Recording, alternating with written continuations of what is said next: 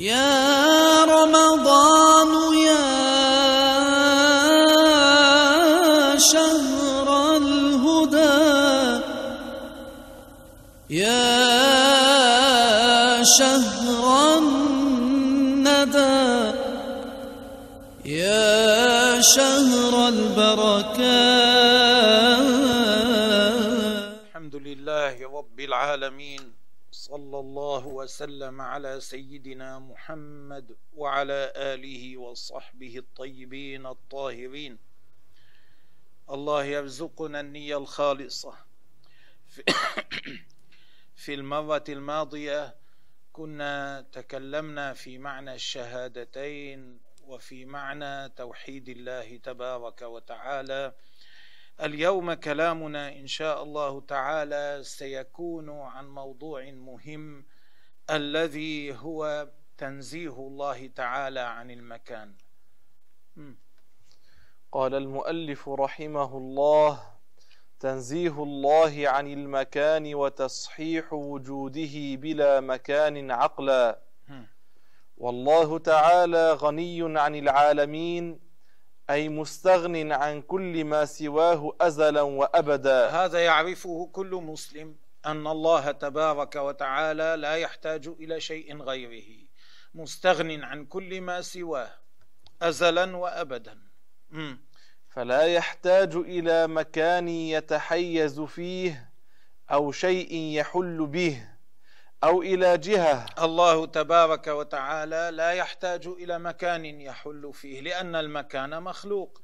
المكان ليس هو الله المكان غير الله تبارك وتعالى. وكل ما كان غير الله فهو مخلوق الله خلقه. اذا الله تبارك وتعالى لا يحتاج إليه فلا يحتاج إلى مكان يحل فيه لأن الله تعالى ليس جسما الذي يحتاج إلى المكان الجسم اللطيف أو الكثيف الذي يحتاج إلى المكان الروح تحتاج إلى مكان تكون فيه البدن يحتاج إلى مكان يكون فيه الهواء يحتاج إلى مكان يكون فيه الشمس القمر الماء التراب النار هذه كلها أجسام تحتاج إلى مكان تكون فيه. أما الله تبارك وتعالى فليس جسما لذلك لا يحتاج إلى مكان يحل فيه لأنه لا يشبه الروح ولا يشبه الهواء ولا يحتاج إلى جهة لأن الجهة أصلا معناها المكان الذي يقصده الإنسان. هذا معنى الجهة. الجهة المكان الذي يقصده الإنسان. والله تبارك وتعالى لا يحتاج إلى ذلك كله لأن هذا كله مخلوق. والله كان موجودا في الأزل في الأزل بدون ذلك كله. اذا هو لا يحتاج إليه. لأنه ليس كشيء من الأشياء ليس حجما كثيفا ولا حجما لطيفا. الكثيف كما قلنا ما يقبض باليد مثل الخشب واللطيف ما لا يقبض باليد مثل الهواء. الله ليس حجما لا كثيفا ولا لطيفا. سبحانه.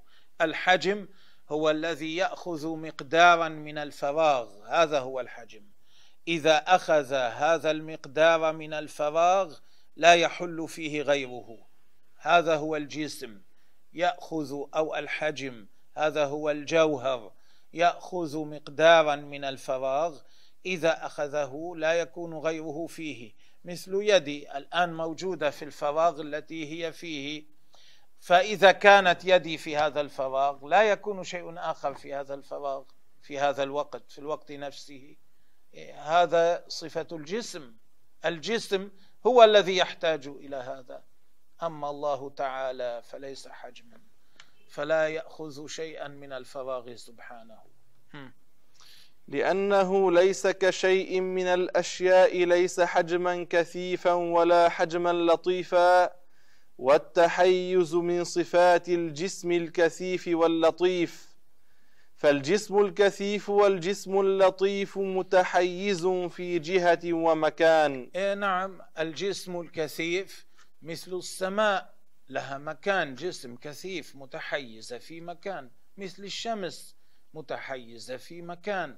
مثل القمر متحيز في مكان مثل الحجر متحيز في مكان والجسم اللطيف مثل الروح متحيزة في مكان مثل الضوء متحيز في مكان.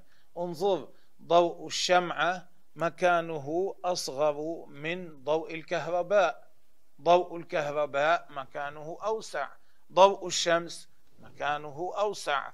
وهكذا. الجسم اللطيف والجسم أو الجسم الكثيف كلاهما يحتاج إلى مكان لكن الله ليس جسما هو خالق الأجسام هو خالق الأماكن فلا يحتاج إلى مكان. قال الله تعالى وهو الذي خلق الليل والنهار الليل والنهار مثالان عن الأجسام اللطيفة الضوء والظلام يعني. وكلاهما لطيف. وهو الذي خلق الليل والنهار والشمس والقمر كل في فلك يسبحون. الشمس والقمر جسمان كثيفان. ذكر الله ذلك ثم قال كل في فلك يسبحون. كل واحد من هذه الأربعة له مكان يكون فيه.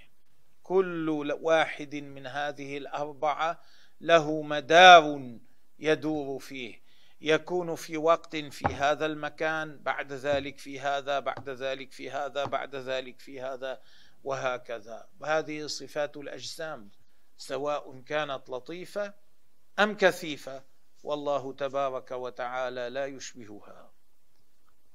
فأثبت الله تعالى لكل من الأربعة التحيز في فلكه وهو المدار. كل في فلك يسبحون أي كل يجري في مدار يدور فيه.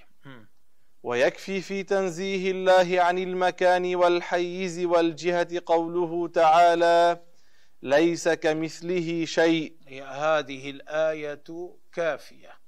كافية في تنزيه الله عن المكان والحيز والجهه لأنه لأنه لو كان له مكان لكان له أمثال وأبعاد. الله لو كان له مكان لكان له أمثال وأبعاد. لماذا كان له أمثال؟ لأن الله لو كان في مكان لكان له طول وعرض وعمق. إذا كل شيء كل جسم يكون مشابها لله. في الجسمية يكون مشابها لله لأن كل جسم له طول وعرض وعمق. طول وعرض وعمق. ومن كان كذلك كان محدثا محتاجا لمن حده بهذا الطول وبهذا العرض وبهذا العمق. هذا الدليل من القرآن. هذا هو الدليل من القرآن. على تنزيه الله عن المكان ليس كمثله شيء أي لا يشبهه شيء من الأشياء بأي وجه من الوجوه. اذا لا يشبهه شيء من حيثية الكون في مكان. من هذه الناحية لا يشبهه شيء لأن المخلوقات هي التي تكون في مكان. اذا الخالق لا يكون في مكان لأنه لا يشبهها. لو كان في مكان لكان مثلها. أما من الحديث فما رواه البخاري وابن الجارود والبيهقي بالإسناد الصحيح أن رسول الله صلى الله عليه وسلم قال كان الله ولم يكن شيء غيره. كان الله المراد بكان هنا آه، في الأزل. كان الله أي إن الله تعالى موجود أزلا ولم يكن شيء غيره ولم يكن في الأزل شيء سوى الله. الله وحده هو الموجود بلا بداية وكل ما سواه له بداية. إذا كان الله وحده الموجود بلا بداية فإذا المكان لم يكن موجودا. إذا كان الله في الأزل ولم يكن مكان. من هنا أخذ أهل السنة عبارتهم المعروفة كان الله ولا مكان. وإن شئت قلت الله موجود بلا مكان لأن الله لا يتغير. سبحانه. ومعناه أن الله لم يزل موجودا في الأزل ليس معه غيره. لا ماء ولا هواء.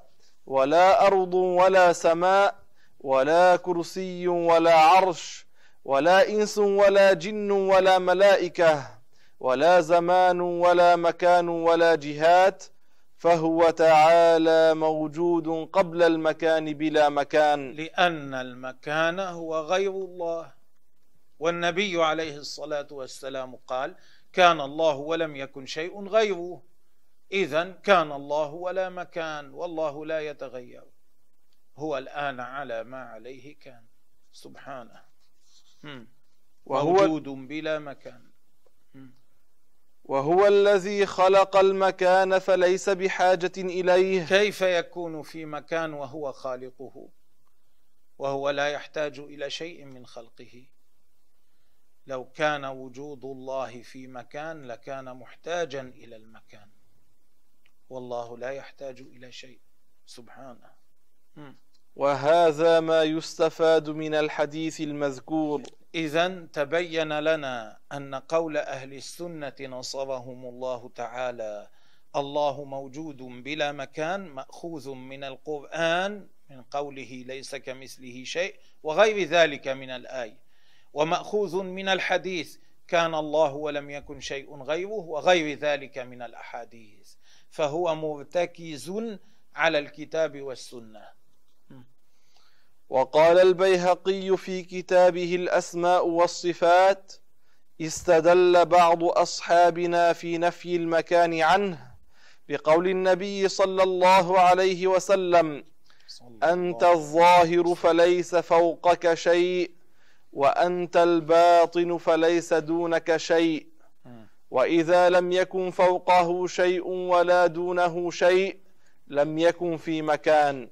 النبي عليه الصلاة والسلام قال أنت الظاهر أي يا رب أنت الظاهر أي الذي يدل كل شيء على وجودك ووحدانيتك. أنت الظاهر فليس فوقك شيء ليس هناك فوقك شيء يغطيك ويسترك يا رب. وأنت الباطن أي الذي لا تدركه الأوهام. الباطن معناه الذي لا تدركه التخيلات لا يتخيل لا يتصور في الذهن. أنت الباطن فليس دونك شيء ليس تحتك شيء يمنع من يمنع من معرفتك سبحانك. فإذا كان الله تبارك وتعالى الباطن الذي ليس دونه شيء والظاهر الذي ليس فوقه شيء لم يكن في مكان الذي ليس تحته شيء ولا فوقه شيء اذا هو موجود بلا مكان هكذا قال بعض علماء أهل السنة هذا أيضا دليل من الحديث على قولهم إن الله موجود بلا مكان وهذا الحديث فيه الرد أيضا على القائلين بالجهة في حقه تعالى. لأن من قال إن الله في جهة فقد قال إن الله في مكان. الجهة ما هي؟ الجهة هي المكان الذي يتوجه إليه يتوجه إليه الإنسان. هذه هي الجهة الإنسان أو غيره. إذا توجه إلى مكان المكان المقصود هذا هو الجهة. فمن نسب الجهة إلى الله فقد نسب المكان إلى الله تبارك وتعالى. وهذا الحديث يرد أيضا عليه. وقد قال علي رضي الله عنه كان الله ولا مكان وهو الآن على ما عليه كان رواه أبو منصور البغدادي. أبو منصور البغدادي من كبار المحدثين وكبار علماء الشافعية وكبار علماء الأصول. هذا الأستاذ أبو منصور البغدادي كان أستاذا مدرسا في سبعة عشر أو ثمانية عشر فنا. كان في كل فن منها أستاذا بلغ درجة عالية جدا يدرس فيها. هذا من جملة فنونه رحمه الله كان الحديث. قال إن سيدنا عليا رضي الله عنه قال كان الله ولا مكان أي إن الله تعالى موجود أزلا بلا مكان وهو الآن على ما عليه كان وهو لا يتغير سبحانه. وهذا شيء أخذه علي رضوان الله عليه من حديث رسول الله صلى الله عليه وسلم.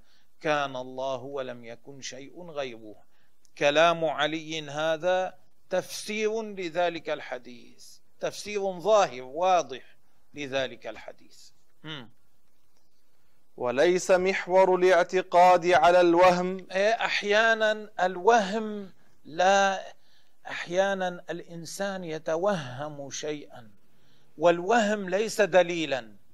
فلا ينبغي أن يبني الإنسان اعتقاده على الوهم لأن الاعتقاد لا بد أن يكون مبنيا على الدليل.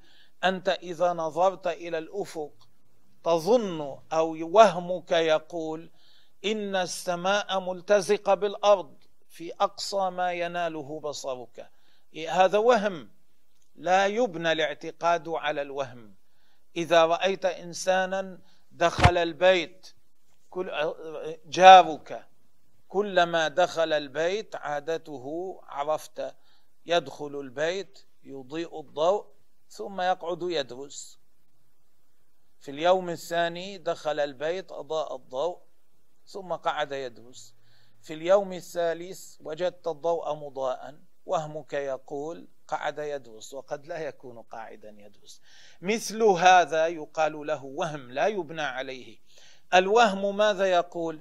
الوهم يقول الشيء إما أن يكون الشيء إما إن إذا لم يكن في مكان لا يكون موجودا.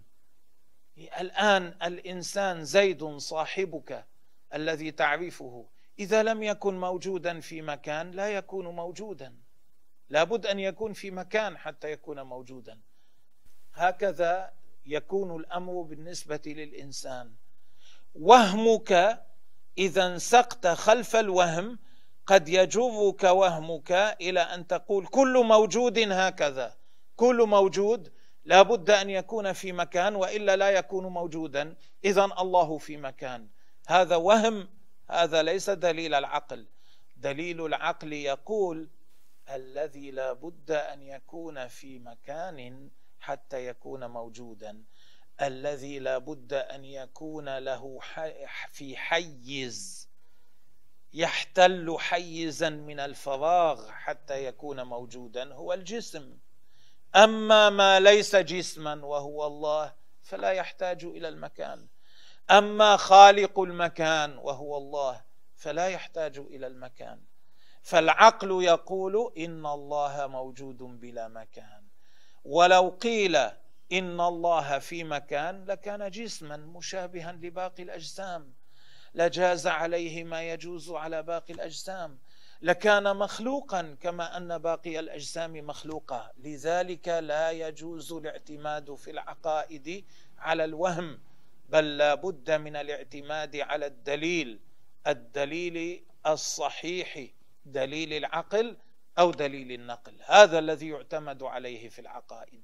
ودليل العقل الصحيح دلنا على أن الله موجود بلا مكان.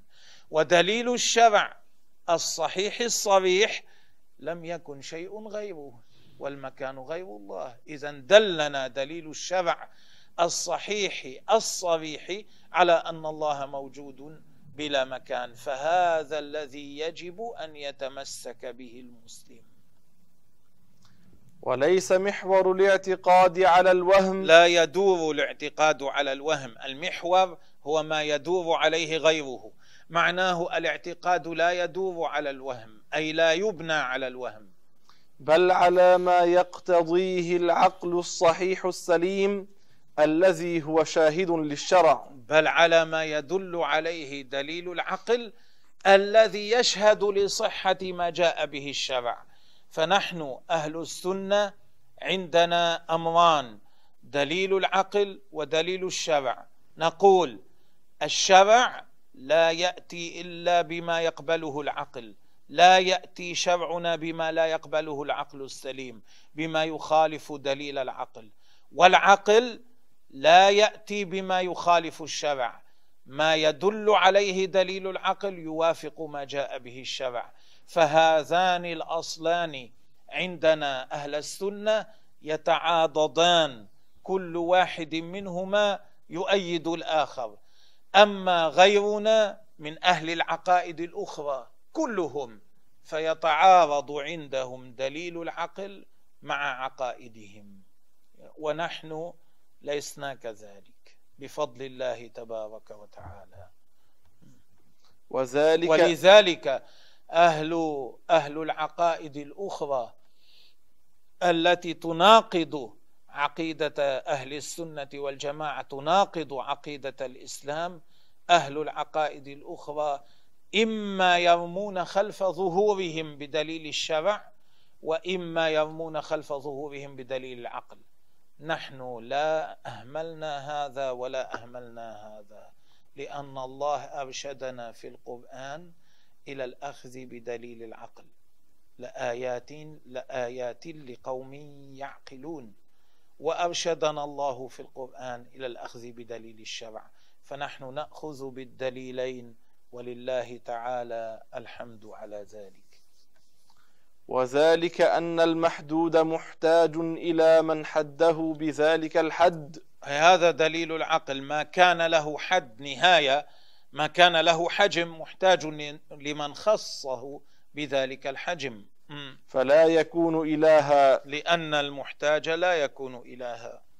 فكما صح وجود الله تعالى بلا مكان وجهة قبل خلق الأماكن والجهات ولا بد أن يقول الشخص بذلك لأن الأماكن والجهات لم يخلقها أحد إلا الله. قبل خلق الأماكن والجهات الله موجود في الأزل من غير مكان ولا جهة. كما صح وجوده تعالى قبل خلق الأماكن والجهات بلا مكان ولا جهة بعد خلق الأماكن والجهات هو موجود تعالى بلا مكان ولا جهة. فكذلك يصح وجوده بعد خلق الأماكن بلا مكان وجهة. وهذا لا يكون نفيا لوجوده تعالى كما زعمت المشبهة والوهابية وهم الدعاة إلى التجسيم في هذا العصر. هؤلاء الوهابية للتدليس على الناس يقولون إذا قلت الله موجود بلا مكان إذا نفيت وجود الله. الذي يحتاج إلى المكان هو الجسم. والله ليس جسما. فكيف يكون محتاجا إلى المكان؟ بل إذا قلنا الله موجود بلا مكان نكون وصفنا الله بما يجب وصفه به. سبحانه. وحكم من يقول إن الله تعالى في كل مكان أو في جميع الأماكن التكفير إذا كان يفهم وإذا قلنا إن الله تعالى موجود بلا مكان لا يوجد الله تعالى في مكان من الأماكن ليس معناه أن الله موجود في كل الأماكن. لا الله ليس موجودا في مكان واحد ولا في كل الأماكن لأن المكان الواحد مخلوق والأماكن كلها مخلوقة والله كان قبل ذلك كله. لأن الذي يوجد في مكان واحد جسم والذي يوجد في الأماكن المختلفة جسم. والله ليس جسما. إنما معنى قولنا الله موجود بلا مكان أي أن الله لا يحتاج إلى المكان في وجوده. لا إلى المكان الواحد ولا إلى الأماكن المختلفة. فمن اعتقد أن الله شيء مثل الهواء منبث موجود في كل مكان فهو كافر مثل الذي يعتقد أن الله موجود في مكان واحد. هذا كافر ما عرف الله وهذا كافر ما عرف الله. وحكم من يقول إن الله تعالى في كل مكان أو في جميع الأماكن التكفير إذا كان يفهم من هذه العبارة أن الله بذاته منبث أو حال في الأماكن. أما إذا كان يفهم من هذه العبارة أنه تعالى مسيطر على كل شيء وعالم بكل شيء فلا يكفر. وهذا قصد كثير ممن يلهج بهاتين الكلمتين. يعني أن هناك لكن ينبغي التنبه إلى شيء. بعض الناس يستعمل هذه العبارة يقول الله تعالى موجود يقول الله في كل مكان ولا يعرف معناها. لا يقصد أن الله موجود منبث حال في كل مكان.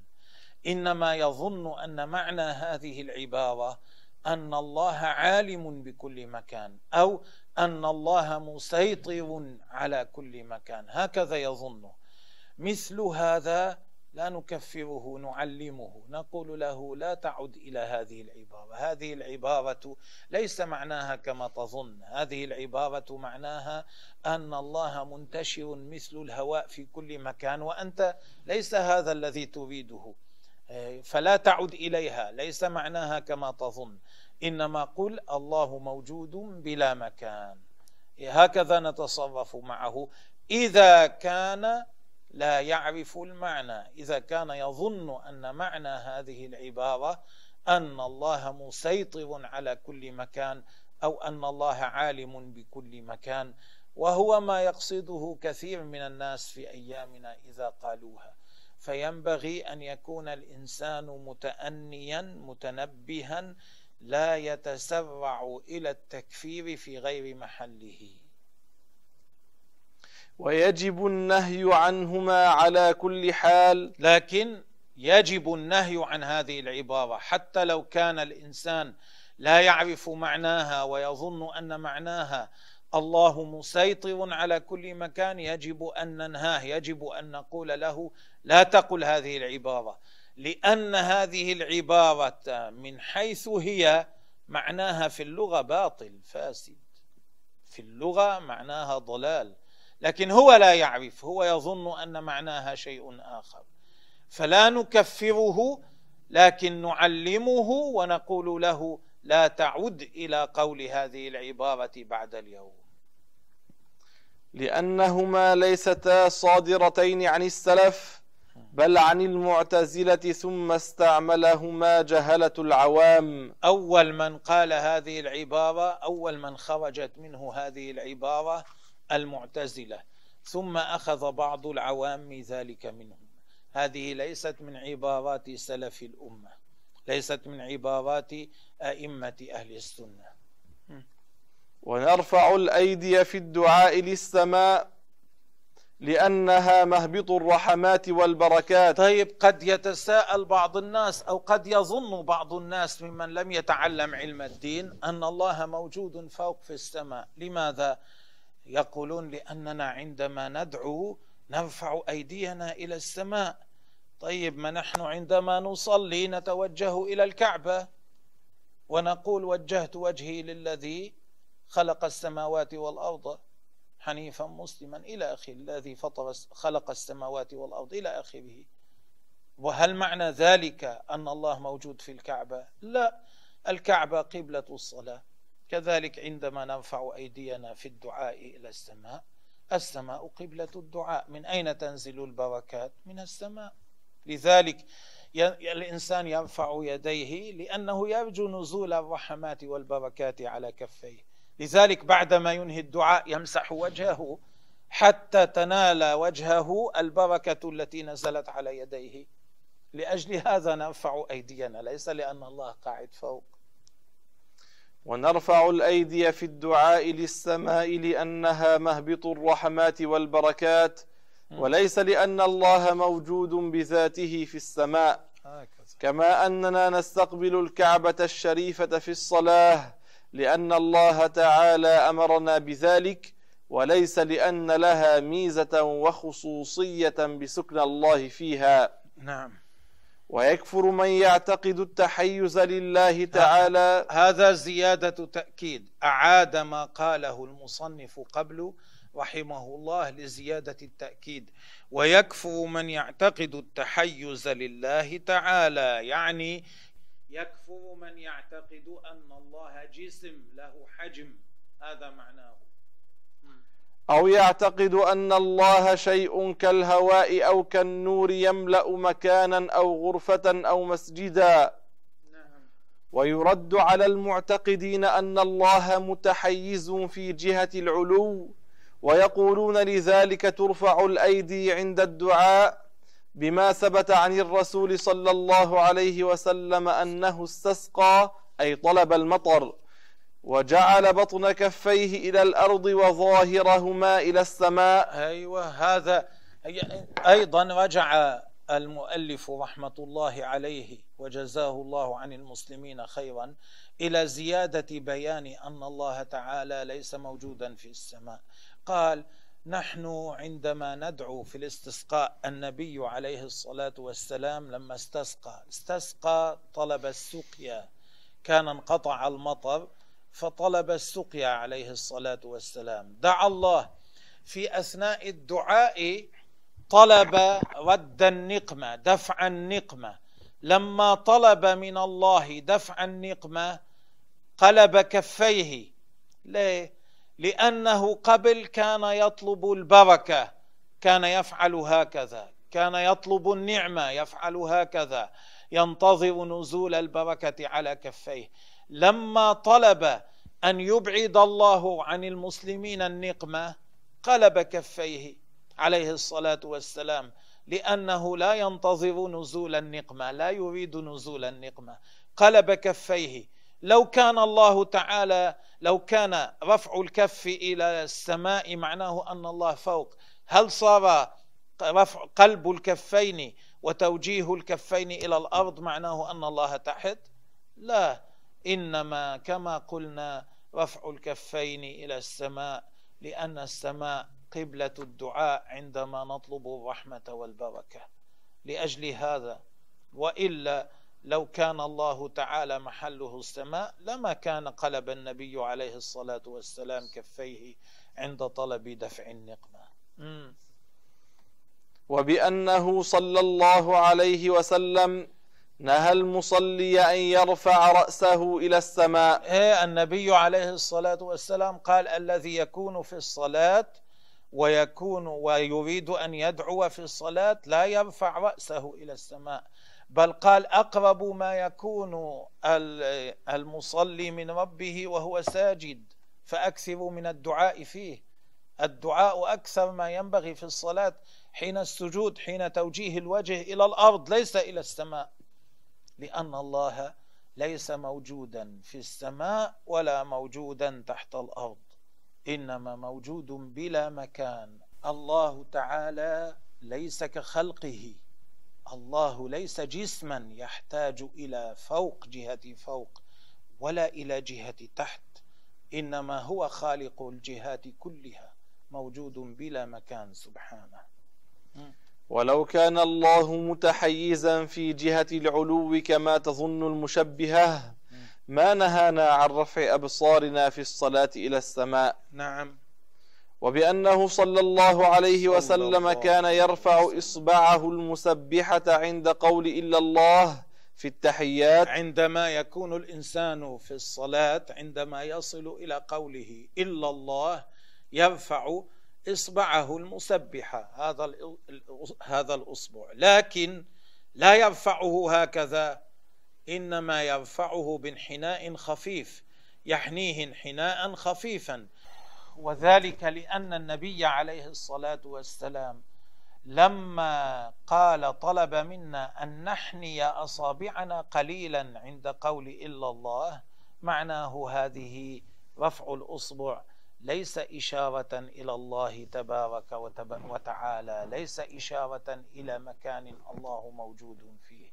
لو كان إشارة إلى مكان الله موجود فيه لكان طلب أن نرفع الإصبع إلى السماء هكذا ولم يطلب أن نحنيه قليلا. وبأنه صلى الله عليه وسلم كان يرفع إصبعه المسبحة عند قول إلا الله في التحيات ويحنيها قليلا.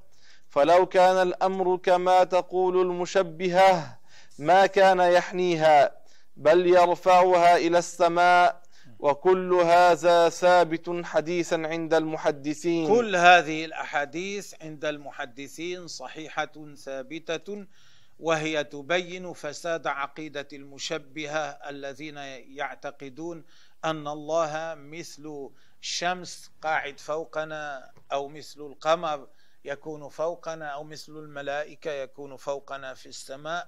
هذه الأحاديث تدل على بطلان هذه العقيدة الفاسدة. فماذا تفعل المشبهة والوهابية؟ معناه ما عندهم حجة. ونسمي المساجد بيوت الله لا لأن الله يسكنها. أيضا لا يجوز أن يعتقد إنسان أن الله يسكن المسجد. لأننا نسمي المساجد بيوت الله بيت الله يطلق ليس كما يطلق آه، بيت زيد أو بيت عمرو. بيت زيد يعني البيت الذي يسكنه زيد. أما بيت الله الإضافة هنا أضيف بيت إلى الله. الإضافة هنا للتشريف وللملك للتشريف وللملك لأجل هذا كانت الإضافة.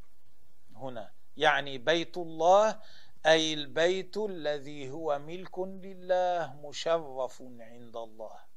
هذا معنى بيت الله. مثل ناقة الله. المعنى ناقة الله؟ الناقة التي يسكنها الله أو يركبها الله. وجاء في القرآن ناقة الله. المعنى الناقة التي لها شأن عند الله. التي جعلها الله تعالى معجزة لبعض أنبيائه عليه الصلاة والسلام. هذا معناه التي هي ملك له عز وجل. هذا معناه. وكذلك بيت الله. بل لأنها أماكن معدة لذكر الله وعبادته. فلها شرف عند الله. بنيت لأجل ذلك. ويقال في العرش إنه جرم أعده الله ليطوف به الملائكة كما يطوف المؤمنون في الأرض بالكعبة. طيب اذا العرش قد يقول قائل اذا العرش لما خلقه الله؟ العرش سقف الجنة العرش جعله الله للملائكة كما جعل الكعبة للإنس والجن في الأرض يطوف. يطوف الملائكة به. لهذا خلق الله العرش. اظهارا لقدرته خلق هذا العرش العظيم حتى يكون مطافا للملائكة. ليس أن يقعد عليه وهل يحتاج الله إلى عرش ليقعد عليه؟ حاشا. وكذلك يكفر من يقول الله يسكن قلوب أوليائه. إن كان يفهم منه الحلول. كذلك هذه القلوب التي فينا ليست مسكنا لله ولا قلوب الأولياء والأنبياء والصالحين هي مساكن لله تعالى. الله تعالى لا يحل في خلقه لأن الله خالق الروح ليس مثل الروح يدخل في العباد. حاشا هو ليس كمثله شيء. إنما معنى إنما القلوب أماكن قلوب الأولياء والصالحين مخلوقات أحياها الله تبارك وتعالى بذكره وطاعته وليس لها خصوصية بدخول الله إليها بل الذي يعتقد أن الله يدخل إلى داخل الأولياء والصالحين كافر لأنه جعل الله مثل الروح ما عرف الله تبارك وتعالى. وهذه العبارة ليست عبارة معهودة عن السلف الله يسكن قلوب أوليائه لا ينبغي أن يقولها الإنسان. ومن اعتقد من قالها وهو يعتقد أن الله يدخل إلى قلوب الأولياء فهذا كذب الدين. نعوذ بالله من ذلك. وليس المقصود بالمعراج وصول الرسول صلى الله عليه وسلم إلى مكان ينتهي وجود الله تعالى إليه. أيضا المعراج قد يتوهم بعض الناس أن المعراج يدل على أن الله قاعد فوق. هكذا قد يظنون. لماذا أسري بالنبي عليه الصلاة والسلام ثم عرج به إلى السماوات إلى سدرة المنتهى وإلى ما فوق ذلك؟ بل إلى ما فوق السماء السابعة. لماذا هذا؟ بعض الناس قد يظن أن هذا حتى يلتقي بالله لأن الله تعالى قاعد فوق وهذا ليس له نصيب من الحقيقة ابدا. إنما أوضح ربنا في القرآن لماذا أسري بالنبي عليه الصلاة والسلام. سبحان الذي أسرى بعبده ليلا من المسجد الحرام إلى المسجد الأقصى إلى المسجد الأقصى الذي باركنا حوله لنريه من آياتنا.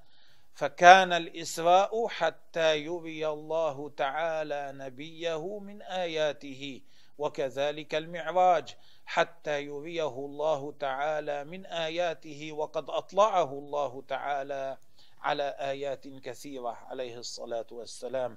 بل إن الله أطلعه على النار فرآها وأطلعه وأدخله الجنة فرأى ما فيها بعد أن دخلها عليه الصلاة والسلام. أي رأى جزءا مما فيها بعد أن دخلها صلى الله عليه وسلم. لهذا كان المعراج.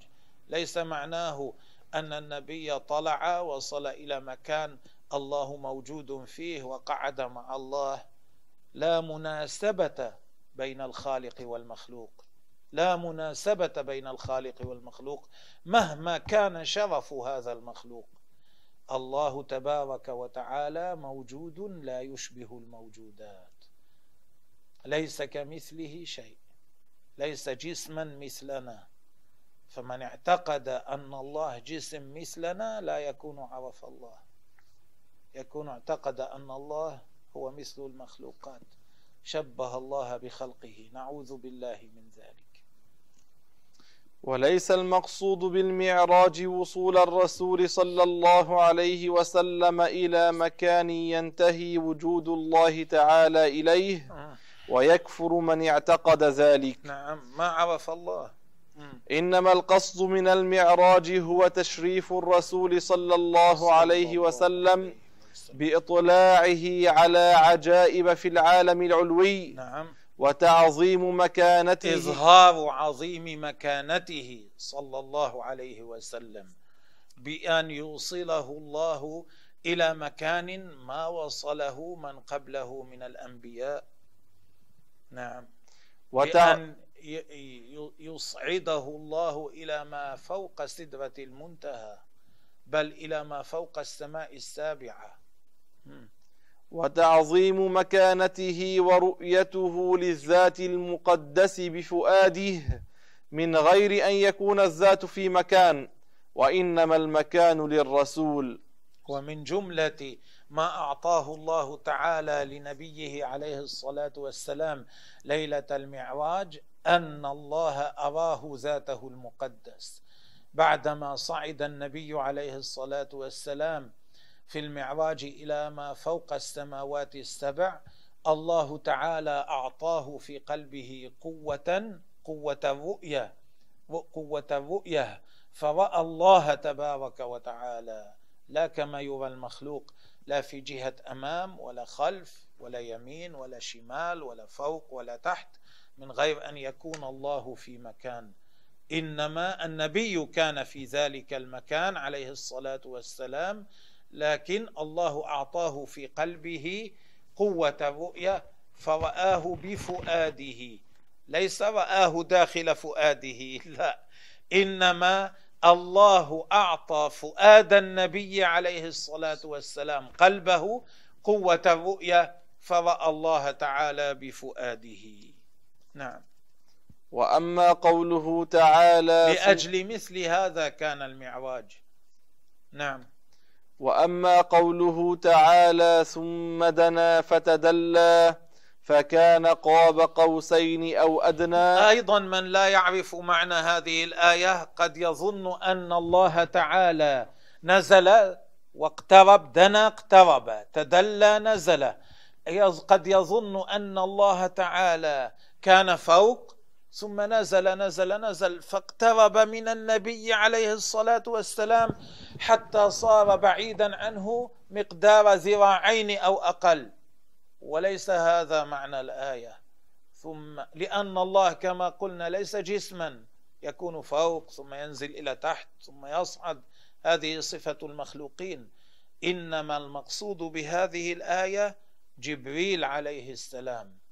جبريل رآه النبي عليه الصلاة والسلام على خلقته التي خلقه الله عليها. له ستمائة جناح. اقترب من النبي عظيم الخلقة جدا. اقترب من النبي عليه الصلاة والسلام كثيرا حتى صار بعيدا عنه مقدار ذراعين أو أقل. هذا معنى الآية. وهذا ليس كلامي ولا كلام زيد ولا عمر ولا كلام جاء به. المصنف شيخنا رحمه الله تعالى بتقدير منه ولا باستنباط. إنما هذا تفسير رسول الله صلى الله عليه وسلم لهذه الآية. ليس لنا أن نفسر هذه الآية بغير ذلك. فالمقصود بهذه الآية جبريل عليه السلام حيث رآه الرسول صلى الله عليه وسلم بمكة بمكان يقال له أجياد. نعم. وله ستمائة جناح سادا عظم خلقه ما بين الأفق. هكذا عظم خلقه هكذا الرواية في كثير من في كثير من روايات هذا الحديث. العظم معناه كبر خلقه. لكبر خلقه لكبر حجمه سد الأفق وفي بعض الروايات عظم خلقه بالضم والعظم معناه الأغلب. معناه أغلب خلقه سد الأفق. أغلب حجم جبريل سد الأفق. حتى ليس كل حجمه بل جزء من حجمه الذي هو الأغلب كان كافيا ليسد الأفق من شدة من عظم حجمه عليه آه، من عظم حجمه عليه السلام. كما رآه مرة أخرى عند سدرة المنتهى كما قال تعالى ولقد رآه نزلة أخرى عند سدرة المنتهى نعم. وبهذا سدرة المنتهى هي السدرة شجرة سدر عظيمة جميلة جدا. أصلها في السماء السادسة وترتفع إلى السابعة. إليها ينتهي صعود من يصعد من تحت من الملائكة ونزول من ينزل من فوق منهم. إلى سدرة لذلك سميت سدرة المنتهى. النبي عليه الصلاة والسلام رأى جبريل مرة ثانية عند سدرة المنتهى. هذا معنى الآية. على خلقته التي خلقه الله عليها. وبهذا نكون بينا أن الله تبارك وتعالى موجود بلا مكان وبينا معاني بعض الآيات والأحاديث والأمور التي قد يتوهم منها الإنسان خلاف ذلك. نكتفي بهذا والله تعالى أعلم وأسأل الله أن يوفقنا للخير.